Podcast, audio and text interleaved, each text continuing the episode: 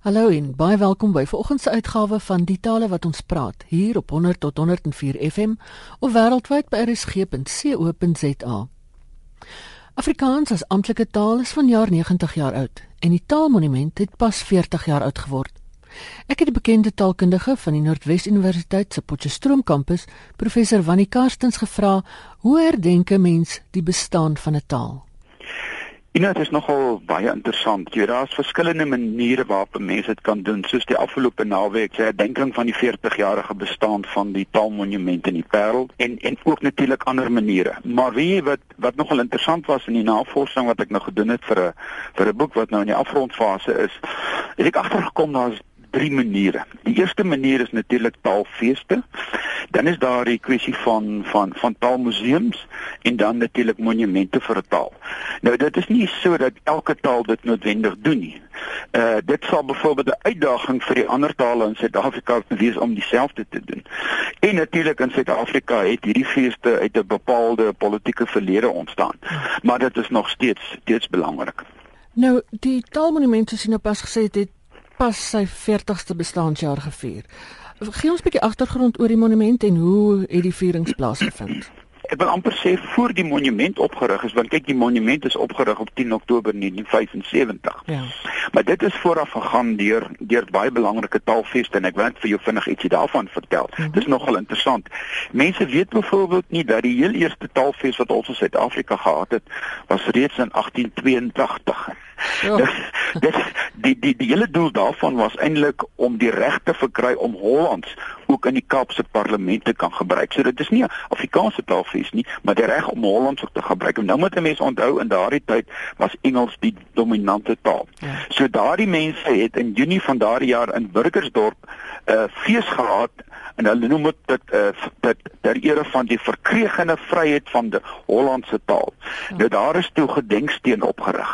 So jy kan sien 'n taalfees lei dikwels tot 'n tipe monument of 'n ja. gedenksteen.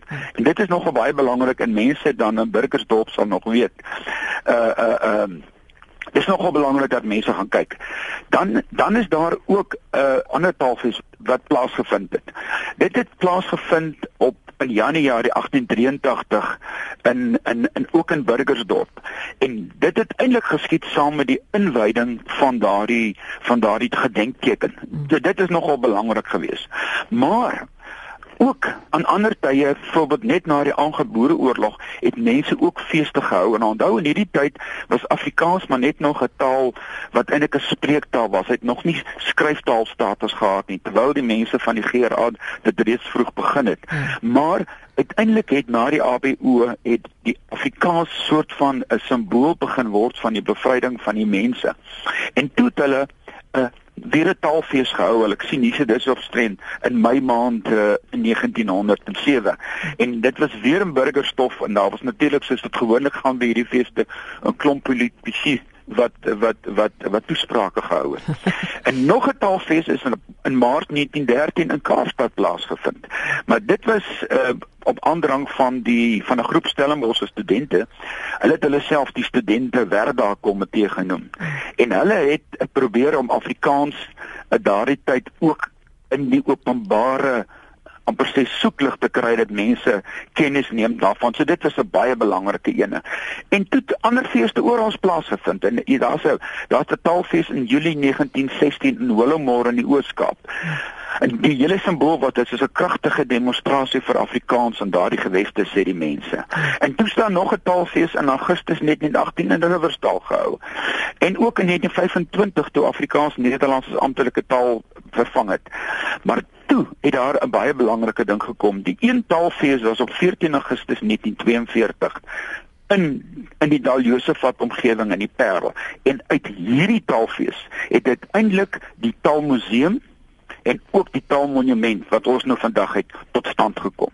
So jy kan sien dit is 'n opbou van feeste oor 'n lang tyd. En hierdie fees het toe 'n proses in die gang gesit. En by hierdie fees van 1942 het daar tot die behoefte na vore gekom om iets meer te doen as gewoon maar net 'n fees te hou. Daar moes iets, daar moes 'n simbool kom En dit is nogal belangrik. En dan natuurlik die een wat baie mense ken, die mense van van van hierdie ouderdom van 50, 60 sal onthou die fees van die FHK in 1959, die wonder van Afrikaans waarvan daar vandag baie dinge bekend is. So jy kan sien 'n klomp feeste het plaasgevind en daardie feeste het uiteindelik gehelp om die klimaat te skep dat Afrikaans dan verder uh, herdenk moet word op 'n meer sigbare manier. En toe kry Jan van Wyk die opdrag om die museum ag die monument te ontwerp. En toe kry Jan van Wyk die opdrag om die museum te begin of die of die, die monument te begin ontwikkel. En dit is nogal 'n baie interessante proses geweest. Dit het 'n lang tyd gevat. Uh en soos dit maar gewoonlik met ons mense gaan uh, uh kan ons nie vinnig uh besluit neem nie. Daar's altyd 'n kommissie wat die werk moet doen en en uh hierdie kommissie het uiteindelik uh begin met 'n proses om om geld bymekaar te maak want hulle het geweet as jy so 'n monument wil wil wil, wil oprig het jy natuurlik geld nodig. En hulle het in hiervoor met die oog hierop is daar 'n Afrikaanse taalmonument komitee gestig. Nou wat toe gebeur het en dit is waar Jan van Wyk nogal te sprake kom, in 1964 is daar toe 'n kompetisie uitgeskryf vir die ontwerp van so 'n monument. Ja. En die opdrag van die aan die deelnemers was om 'n monument op te rig wat die opbloei van Afrikaans simbolies sou uitbeeld. En dit moes ook van ver af sigbaar wees. Nou die mense wat daar in die Parel kom, sal ook weet daar staan die simbool teen die berg en as jy naby die Parel kom en jy ry op die N1 verby dan sien jy hom. Hierdie kwessie van sigbaarheid en die simboliek was nogal ongelooflik belangrik. Daar is klompie jare daaraan spandeer. Uh die ding het natuurlik baie geld gekos. Ek sien die naweek in die koerant, uh daar's een bedrag van omtrent 800 000 rand wat mense sê wat dit gekos het. Uit navorsing wat ek gedoen het uit uh, notules van van verskillende vergaderings van die onderskeie kommissies, is hierdie bedrag so klein bietjie hoër. En die mense het hier meer uh uh ons het tot trend op 2.25 uh miljoen rand is toe teen 1974 ingesamel. En wat die staat toe gedoen het, hulle het verder gehelp. Hulle het 'n verdere 1.75 miljoen verskaf. En hier volgens en volgens dit is ook sê dis volgens die gegevens wat ek op gespoor het, het die het die het die taalmonument ongeveer 4.25 miljoen gekos teen die voltooiing daarvan in 1975. Nou Ina, ek het vir 'n klompie ekonome gevra wat met hierdie tipe projeksies werk en hulle sê vir my in 2015 terme is dit ongeveer 200 miljoen rand. So jy kan er nogal nogal baie doen. Maar soos ek sê daar is verskillende bronne daaroor, dit is wat ek kon opspoor. Ek het nou dag iewers gelees hulle sê dis eerder 'n standbeeld uh, of 'n beeldhouwerk as 'n monument. Dis reg, ja, ja. Dit was vir die mense verskriklik belangrik. Dit moes nie net 'n 'n soort van 'n standbeeld waar daar staan en mense kyk daarna nie. Hulle wou gehad het dit met 'n beeldhouwerk. 'n Beeldhouwerk is iets anders. Jy weet, hy het bepaalde simbole. En dit dit was belangrik. So ek het een van die bronne het het, het die mense geskryf. Dit moet as 'n beeldhouwerk gesien word eerder as 'n argitektoniese werk. Nou hy is natuurlik van die argitektoniese vertrekpunt ontwerp, maar dit wat jy daar het is 'n beeldhouwerk en hy staan daar as 'n beeld met 'n bepaalde simboliek. En sover ek weet word al die invloede wat op Afrikaans ingewerk het ook daar uitgebeeld. Absoluut. Nou dit is absoluut. Ek het ek het hierso uh in in een van die van die bronne wat ek raak geloof het word daar die volgende gesê die drie seile links van die ingang simboliseer die wes-Europese tale en kulture. En dan word Afrika se tale en kulture uitgebeeld deur die koepels op die podium regs van die ingang. En dan is daar natuurlik 'n klompie kurwes en dit vorm 'n brug wat ook die basis van die hoofsuil uitmaak. En die hoofsuil simboliseer die ontstaan en groei van Afrikaans. En dan 'n baie belangrike ding wat baie mense nie weet nie, hierdie hoofsuil staan in water. Die mense wat daar by die monument kom kan gaan kyk. En die hele simboliek daarvan is dit dat wat wys dat die staal sorg nodig het om te kan groei. En aan die bokant is dit natuurlik oop en dit beteken dat die taal nie ophou groei het nie. Ja. Hy's altyd aan die groei. Nou dit is nogal belangrik. Mense kyk dikwels net na hierdie hierdie monument daar teen die berg en dan sê hulle o ja, daar staan iets en dit simboliseer Afrikaans, maar weet jy in die in die beeldhouwerk word die herkoms van Afrikaans duidelik aangedui. Dis die Europese herkoms, baie duidelik. Die die die die die oosterse herkoms van van van die mense uit Maleisiese Maleisië, die slawe en natuurlik Afrika se tale word ook daar gesit. So saam is hier 'n uh, pragtige simbool van 'n geïntegreerde uh, amper sê ontwikkeling van 'n taal. Afrikaans is nie net 'n taal van Europa nie en dit is wat baie mense miskien vergeet. Hy het sy dit is ook miskien hoekom sy hoofsuil baie sterk Europees gekoppel is. Maar uiteindelik simboliseer hy die hele geskiedenis van Afrikaans, van Europa, van die ooste, van Maleisië en en en en van die slawe en natuurlik ook van die mense in Afrika. Want onthou, die 17de eeuse Hollandse dialek het in Suid-Afrika kom taal word. Hy was 'n dialek toe hier gekom het. Hy het nie hy het nie hier as 'n volledige taal aangekom nie. En dit is hoekom die die monument so 'n belangrike simbool is. Hy staan daar en hy wys hoe het Afrikaans ontwikkel en watter invloede hy gehad het. En ek dink die inskripsie van 'n stukkie van van Wyk Lou wat daar staan dat Afrikaans die brug tussen die groot helder weste en die magiese Afrika is, is des te meer belangrik. Absoluut, is ongelooflike. Van Wyk Lou die presiese aanhaling Afrikaans staan met sy een been in magiese Afrika en sy ander been in die helder weste. Hmm. Dis 'n pragtige pragtige manier en nog 'n lang noof in dit self in hierdie verband gesê Afrikaans is 'n snel stygende boog. Jy sien hierdie twee skrywers se woorde was eintlik die vertrekpunt wat Jan van Wyk moes gebruik in die ontwikkeling of of of die mense wat betrokke was by die ontwerp wat hulle moes moes moes gebruik as hulle vertrekpunt. Nou uiteindelik is die is Jan van Wyk se se se se ontwerp gekies as die een wat die mense graag sou wou hê. Maar wat nogal interessant Ina, ek sit nou die afgelope naweek toe ek by die ehm uh, monument was vir die vir die viering toe het ek op 'n stadium mis ek 'n houdrank te instel en toe sê ek vir die mense toe die monument uh, onthulle is op 10 Oktober 1975 toe was ek 'n 5de jaar student op Stellenbosch. Ja. en 'n klompie van ons het nog op 'n plek sit en praat en gewonder maar hoekom moet ons dan nou vir hierdie taal 'n monument gaan neersit? 'n taal is mos 'n lewende ding wat gepraat word deur mense Nou ja, 40 jaar later is ek baie het ek baie wyser geword. en 'n mens weet meer. Maar interessant toe ek dit genoem het in, toe, in tydens die die die die die ete kom hele paar mense na my toe en een ou persoon sê vir my, "Wie ek het in daardie jaar het ek by die het ek in die massa koor deelgeneem." 'n Goeie vriend sê vir my, "Nee, wie daai dag het ek my pa se bakkie geleen en ek het gery om te gaan kyk." So ons het almal soveel verskillende ervarings van hierdie monument. Maar daardie monument moet ons wat Afrikaans sprekendes is, moet ons baie trots op wees. Daar is nie baie tale wat hierdie monumente het nie en ons ons moet dit baie duidelik in ag neem. Afrikaans word ook in 'n museum in in die Parel bewaar en u is 'n direksielid van die museum. Gee net 'n bietjie agtergrond oor die Taalmuseum. Die Afrikaanse Taalmuseum uh, is ook in Augustus of in 1975 uh uh ingewy as as die museum. Dis is ons sê die huis Gideon Malherbe en hy staan daar in Pastoriestraat 11 in die Parel. Wat nogal interessant is, Ina, dit is die huis waarin die die sogeag patriotters bymekaar gekom het en besluit het dat hulle gaan begin met die proses om 'n Afrika om 'n Bybelvertaling in Afrikaans tot stand te bring. Kyk, die mense het nogal redelik weerstand gekry. Die mense kan nogal die detail daarvan gelees in Prof Jan Japstein se nuwe boek, daardie boek van ons gaan 'n taal maak. Hmm. Maar uiteindelik het die mense wat uh, met geboue in die Parel werk, het, het uiteindelik die huis beskikbaar gekry en hulle kon dit toe verder ontwikkel. Maar dit het baie lank gevat vir die museum werklik kon tot stand gekom het uh, soos hy vandag daar staan.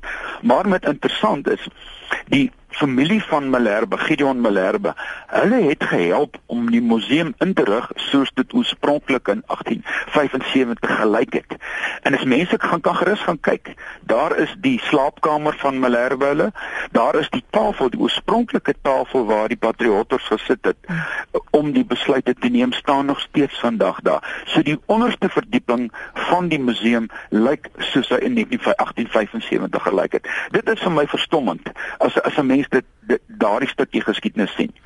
Ek het nou gereeld in Nederland en België kom is altyd verstom oor die erns waarmee die mense in die laalande hulle taal herdenk en hoe hulle trots is en hoe hulle skrywers bekroon en die huise van skrywers bewaar. Uiteindelik het ons in Afrikaans daardie selfde tipe pad begin loop. Ons begin ook ons monumente hou. Ons is trots op die monument in die Parel.